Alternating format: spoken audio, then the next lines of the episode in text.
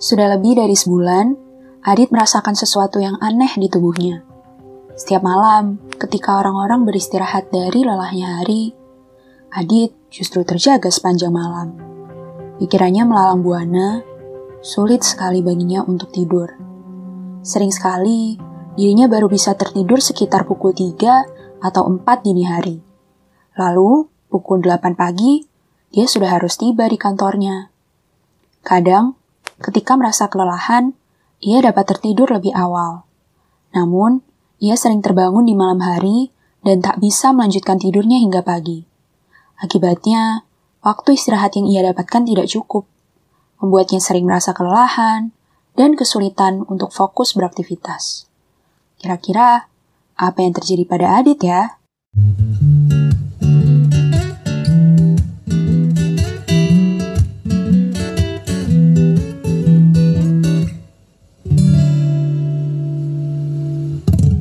Relatif Perspektif Podcast adalah podcast yang bertujuan menjadi jembatan agar masyarakat luas paham akan isu kesehatan.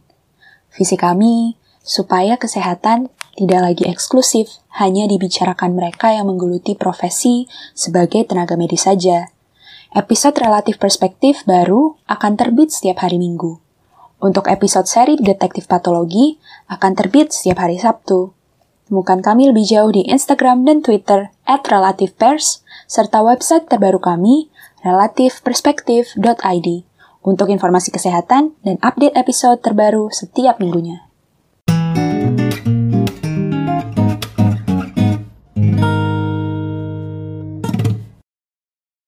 Hai pendengar setia Relatif Perspektif Podcast, seri Detektif Patologi. Kembali lagi bersama saya, dokter detektif patologi di episode terbaru seri ini. Yuk, simak cerita episode kali ini. Cerita kali ini dimulai ketika saya sedang praktek di klinik.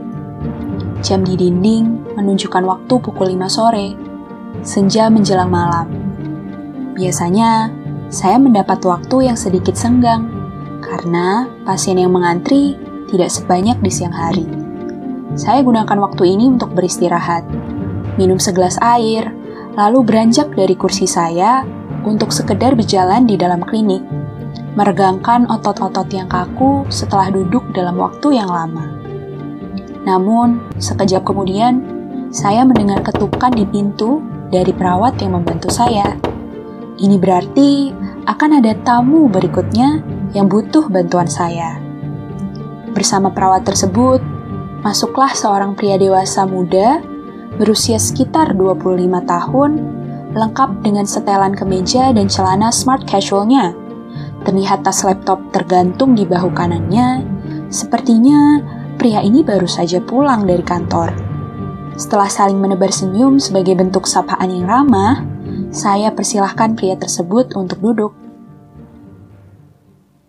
Selamat sore, Mas. Perkenalkan, saya Dr. Rere. Ada keluhan yang Mas rasakan? Tanya saya. Selamat sore dok, saya Adit. Jadi begini dok, saya merasa ada yang aneh dengan tubuh saya. Mungkin kepala atau otak saya dok, saya tidak tahu. Keanehan ini sudah berlangsung lebih dari sebulan. Saya sering sekali tidak bisa tidur di malam hari. Mungkin bisa mencapai 4-5 malam dalam seminggu. Padahal, tidak ada pekerjaan yang mengharuskan saya lembur. Saya biasanya sudah di kasur sekitar pukul 10, paling lama pukul 11 malam. Tapi saya tidak bisa langsung tertidur, dok. Parahnya, saya baru bisa terlelap sekitar pukul 3 atau 4 dini hari. Lalu pukul 8 pagi, saya sudah harus tiba di kantor. Saya capek kalau begini terus, dok. Keluh Adit. Hmm, pasien dengan keluhan kesulitan tidur. Ada apa ya? Pikir saya dalam hati. Tapi dok, kadang saya bisa tertidur di awal waktu. Anehnya, saya sering sekali terbangun di malam hari. Kemudian tidak bisa tidur lagi hingga pagi. Itu pun tidurnya tidak ada yang nyenyak, kurang menyegarkan tubuh. Akhirnya, saya jadi susah fokus di kantor dan mudah lelah ketika beraktivitas. Lanjut Adit. Mendengar keluhan Adit mengenai gangguan tidurnya, beberapa pertanyaan lanjutan pun timbul di kepala saya. Dan segera saya tanyakan, karena sebenarnya gangguan tidur tersebut bisa saja disebabkan oleh gangguan medis, bisa juga bukan. Adit selanjutnya menjelaskan kepada saya bahwa saat ini ia tidak sedang menjalankan perawatan atau mengonsumsi pengobatan apa pun. Adit pun mengatakan bahwa tidak ada perasaan aneh atau perilaku aneh yang dilakukannya saat tidur ketika ia menginap di rumah temannya. Ia juga mengaku tidak memiliki riwayat gangguan kesehatan jiwa seperti depresi. Lalu, jika memang Adit sehat-sehat saja, mengapa dia bisa mengalami gangguan tidur ya? Oke, sampai sini dulu. Mari kita berpikir sejenak. Gangguan tidur merupakan gangguan yang dialami seseorang berupa permasalahan seputar kualitas, pengaturan waktu, dan durasi tidur yang berakibat pada gangguan aktivitas di siang hari serta gangguan fungsi tubuh lainnya. Gangguan ini dapat disebabkan oleh gangguan kesehatan seperti artritis, asma, atau gangguan jiwa seperti kecemasan, depresi, atau Alzheimer. Gangguan tidur merupakan gangguan yang beragam jenisnya dan memiliki gejala khasnya masing-masing, antara lain sleep apnea, pernafasan yang abnormal selama tidur, narkolepsi, perasaan kantuk yang parah di siang hari, restless legs syndrome, perasaan untuk menggerakkan kaki ketika hendak tidur, dan insomnia. Jika kita analisis dari keluhan Adit, mungkinkah Adit mengidap insomnia? Jawabannya, mungkin saja. Tapi, kita perlu mengajukan pertanyaan lebih lanjut untuk menguatkan dugaan kita. Sebenarnya, apa itu insomnia? Insomnia merupakan salah satu gangguan tidur berupa kesulitan untuk tertidur atau tetap tertidur. Insomnia bisa tidak berkaitan dengan gangguan kesehatan lain atau insomnia primer dan bisa juga disebabkan oleh gangguan kesehatan lain. Jika tidak berkaitan dengan gangguan kesehatan lain, Penyebab umum insomnia di antaranya adalah stres, kebiasaan tidur yang buruk, jadwal aktivitas yang tidak sesuai dengan jam biologis tubuh seperti shift malam, atau makan mendekati waktu tidur. Insomnia memang bisa menyerang siapa saja, tapi terdapat faktor-faktor yang meningkatkan resiko seseorang terserang insomnia. Faktor-faktor tersebut adalah wanita, usia lanjut atau lebih dari 60 tahun, gangguan jiwa atau penyakit fisik, stres berlebih, atau kegiatan yang mengganggu waktu tidur. Seseorang penderita insomnia akan kesulitan untuk tidur di malam hari atau bisa terbangun di tengah malam, serta kualitas tidurnya tidak cukup baik. Akibatnya, ia mudah kelelahan dan aktivitas kesehariannya terganggu seperti yang Adit alami. Setelah melakukan wawancara medis seputar kebiasaan tidur dan kondisi kesehatan, supaya dapat menegakkan diagnosis, seorang dokter perlu melakukan pemeriksaan fisik pasien untuk menyingkirkan kemungkinan-kemungkinan lain yang dapat mempengaruhi tidur. Selanjutnya, dokter akan meninjau kebiasaan, kualitas, dan pola tidur pasien. Diagnosis insomnia mengacu kepada kriteria diagnostik yang terdapat dalam PPDGJ 3 dan atau DSM 5. Jika diperlukan, pemeriksaan penunjang seperti polisomnografi akan dilakukan untuk memantau aktivitas tubuh pasien selama tidur seperti aktivitas otak, mata, pernafasan, dan jantung. Oke, setelah cukup memahami gangguan tidur termasuk insomnia, kita kembali ke analisis kasus Adit.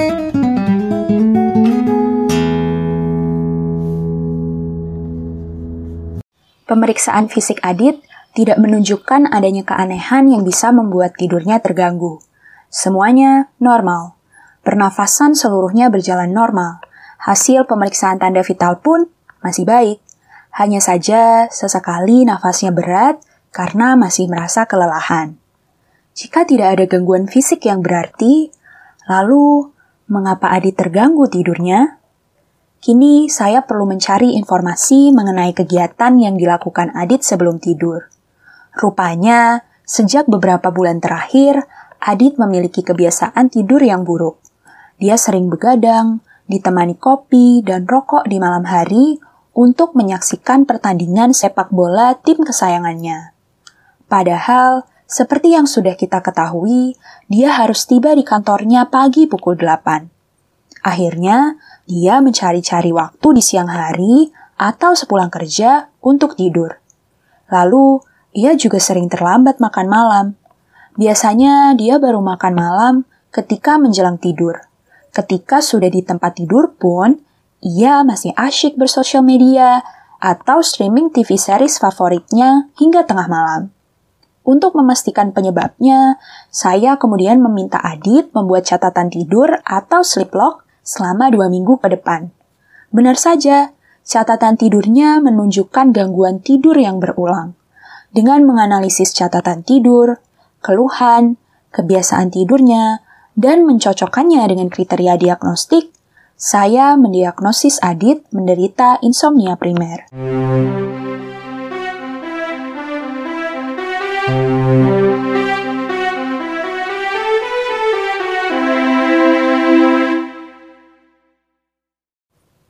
Akhirnya, misteri penyebab gangguan tidur Adit sudah terpecahkan. Kini saatnya saya sebagai dokter memberikan edukasi kepada Adit mengenai gangguan tidur yang dialaminya. Penyebabnya, dampaknya terhadap kesehatan, serta faktor resikonya. Lalu, saya juga akan membantu Adit mengembalikan kebiasaan tidurnya menjadi sehat.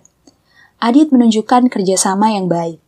Dia benar-benar memperhatikan penjelasan saya, serta bertanya jika memang ada yang kurang ia pahami. Hal ini menunjukkan bahwa ia benar-benar peduli dengan kesehatannya. Penanganan awal yang sederhana dan efektif yang bisa dilakukan Adit untuk menghilangkan gangguan tidurnya adalah menerapkan kebiasaan tidur yang sehat. Kebiasaan-kebiasaan tidur sehat tersebut meliputi mengubah suasana kamar menjadi nyaman untuk tidur, seperti suhu ruangan yang sejuk, tenang, dan minim cahaya. Kebiasaan tidur dan bangun di rentang waktu yang sama setiap harinya, mengendalikan stres dengan baik, dan menerapkan pola hidup sehat sehari-hari, seperti olahraga rutin di pagi hari, makan teratur, dan menghentikan kebiasaan merokok. Selain itu, dokter dapat menyarankan penerapan Cognitive Behavioral Therapy for Insomnia atau CBTI. Terapi ini meliputi terapi kognitif agar pikiran positif, terapi relaksasi supaya tertidur lebih cepat, terapi sleep restriction untuk meningkatkan durasi tidur, terapi terjaga pasif untuk mengurangi kecemasan masalah tidur, dan terapi cahaya untuk menyesuaikan jam biologis tubuh. Jika diperlukan, terapi pemberian obat-obatan seperti benzodiazepin, melatonin reseptor agonis, dan orexin reseptor antagonis juga dapat dilakukan bersamaan dengan terapi lainnya.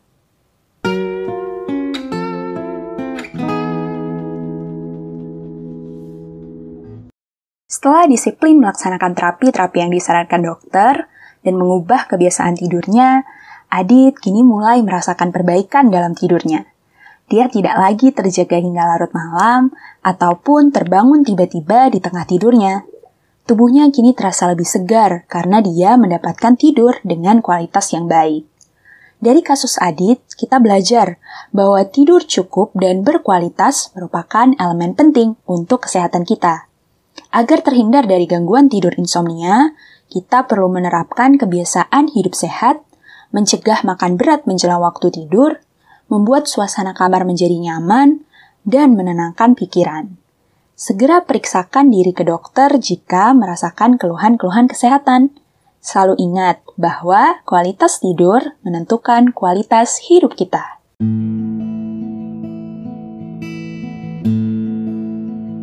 Sekian ilustrasi kasus kali ini.